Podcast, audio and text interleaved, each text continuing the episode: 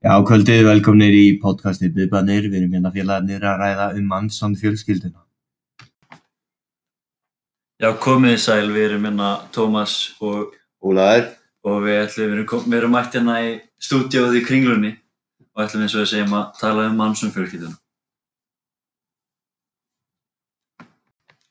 já, um fjöllunarefnið í þættinum í dag er mjög fróðlegt. Það er á fróðle fróðlegri þættinum, sko. Og nú ætla Tómas aðeins að segja okkur frá því. Sem sagt, Manson var frá ungum aldri alltaf í ykkur um vandræðum, eða bara alveg frá því var pínlítill. Sem sagt, hann átti heima í Ohio og móður hans var 16 ára þegar hann átti hann og hún var bara í eiturlifum og þurfti að selja sig til þess að fá pening og svo leiðis. Þannig að hann, hann Manson var ekki lengur hjá henni, hann endaði á götunni bara ungur aldri og þurfti að stela og svona til þess að afla sér matar. Þannig að, Já, Manson var stórkostluðu náðungi, en ekkert á mjög stórkostlega þátt. Já, eins og kom fram, rétt að hann þá átti Manson erfið æsku, hann var inni og úti úr skólum og fangilsi í 20 ár eftir að hann bjóð út á götunni, þar sem hann bjóð út á götunum aðeins 12 ára aldi. En setna í lífi hans, þá var hann komið með fylgjendahóp yfir 100 manns og hópurinn var kallað Manson fjölskyldan og þar deildu hópurinn, deildi hópurinn sömu ástríðu á alls konar eiturlyfjum. Uh, Manson taldi sig vera Jésu og allir í hópnum fylgdu honum og fylgdu hans ráðum. já, það var nefnilega klikað hann svona, hann var bara svona einhvern veginn að heila þú allt fólkið í þessu hóp með því að hann væri bara, bara eins og Guð, eins og Jésu eða eitthvað svoleiðis og bara náði bara allir bara hlýtt honum að gera allt sem hann sagði. Þannig að það er alveg ótrúlegt. Það er mikið rétt um þess, hann var á hærra stalli heldur en allt annað fólkið í hópnum sko. Já, sem sagt, þessi fjölskylda eða hópurinn var búsettur í eyðubíli í San, San Fernando, dalum í Bandaríkjörnum. Og það tók hópin ekki langan tíma að fara í svona svakalega uh, hryllilega glæpi og svona aukafulla glæpi og það var bara, það, þessi fjölskylda er talið, talin hafa drepið alveg upp í 35 manneskjur en ekki allt er búið að sanna því það var bara ekki öll líkin fundin eða eitthvað svoleiðis. og mjög erfitt að sanna Já, öll þessi mál. Sko. Já, mjög erfitt.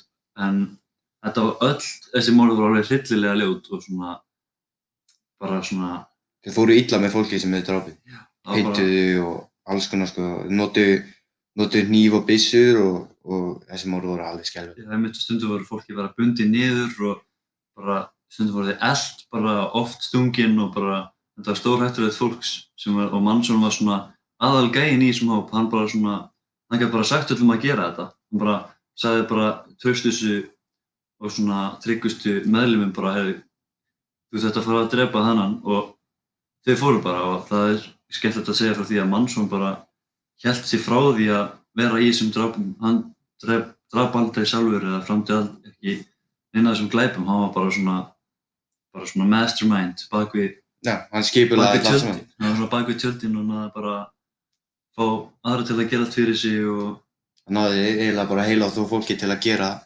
eða bara myrða fyrir sig. Hann gata greinilega ekki sjálfur eða hann vildi það ekki sjálfur. Við veitum ekki alveg hvort að eða hvernig hann, hann hugsaði sko. sem er svo sem alveg sniður leið til þess að vera svona bak við tjöldin og til þess að komast frá lauruglunni en það endaði ekki vel að því enda var hann líka svolítið svona hann vildi aðteklina, hann var alltaf verið að verða heimsfrægur og þessi konur hans voru bara hóði að verða heimsfræg Já, mikið rétt.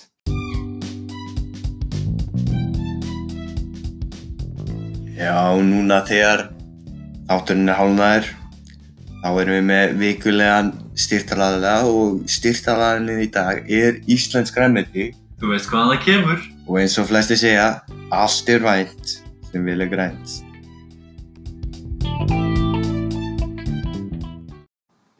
Já, takk fyrir kærlega fyrir þetta Íslensk Græmyndi. Við erum voðalega ánægðir með þetta input frá sponsorum okkar. Þeir hjálpa okkur gríðarlega mikið að fjármagna þáttinn og við samstarfið hefur gengið vel hingað til og við vonum að það haldi áfram.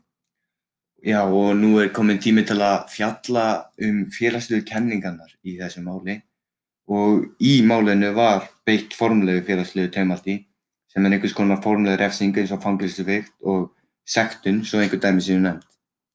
Uh, já, hann Mansson var söndur í fangilsi, þannig þetta tengist formlegu félagslegu taumaldi. Og að hluta til er einnig hægt að útskýra hegðun Mansson á hans lífstíð út frá kenningu Edvins H. Sutherland um félagsmótun og jafningaráhrif sem snýst um það að afbrótamenn hafi ekki fengið fyrirmynd um hvernig lögleg hegðun virkar. Og já, og hann var bara svona, mamma hans var bara einhver að gera ekki og hann fekk það enga fyrirmynd og svo var hann bara út á göttunni þannig að hann fekk ekkert að læra af hann um hvernig hann á að hegða sér. Þannig Það var heldur ekki með neitt föður og móður hans var ekki til staðar. Hann var bú, hann var bú út á götunni 12 ára sem fyrir að hann fekk alls ekkert uppeldi. Þannig að þessi kenning getur alveg skýrt mikið hjá hennum og hjálpar. Þannig að, já, akkurat, svo, svo endaði líf hans bara, hann var bara í fangelsi í svona næstu í 40 ári í loka lífsýtt þegar hans 40 næstu í 50 held ég og hann lést í fangelsi svona 2017 og var búinn að vera þar bara.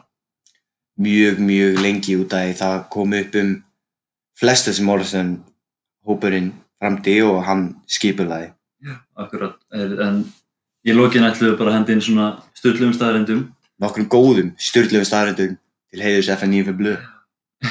auðvitað sveppa og allt svo leiðis. Reynda sveppa. Nú er komið að vikulega partinum okkar. Sturlaðar staðrendir. Já, þá er komið að því hérna og Ólaður ætlar að byrja. Ætlar þú að byrja með skemmtilega staðarindir? Skemmtilegsta staðrindin af öllu staðrindunum var það að Mansson var með tveimur konum í einu. Hann var aldrei, hann var aldrei kvennabósi sá kallski. Nú komið að Tómasi, ég, með hennar skemmtilega líka. Hann, það var, það var svo skemmtilega þegar þetta var svona fólk sem vildi svakalega mikið vera frækt eins og við komum, komum að á það. Og þeir lendu í sko svona það sem við voru að pikka upp eitthvað fólk bara á gödunu og eitthvað og stundum voru eitthvað vond við það en einu sinni pikkaðu upp bara svona producer, bara svona heimsfrægan, ég man ekki hvað hann heitir en það, Það var bara, það var klikkað og það heldur bara producerinn hjá hverju fræ, fræðri frægur bandi, held að það hafi verið bílanir eða eitthvað álíka. Mm. og þeir bara, þá komuðu þessi bara fyrir í húsinu hans bara. Hann leiði þeim að fara tveim og svo þegar hann kom aftur heim þá voru bara 20 eða 30 manns í húsinu bara eitthvað bara eins og þau byggju þarna og, og hann bara kom heim og gæti ekkert gert í þessu og þeir voru bara, þeir áttu basically heima þar í næstu í tvo mánuði Þetta og reyna að gera tónlist og, en það endaði nú ekki með að það verið heimsfræg því miður það hefði nú verið skemmtilegt og áhugavert. En þetta voru sturlaðar staðrendir.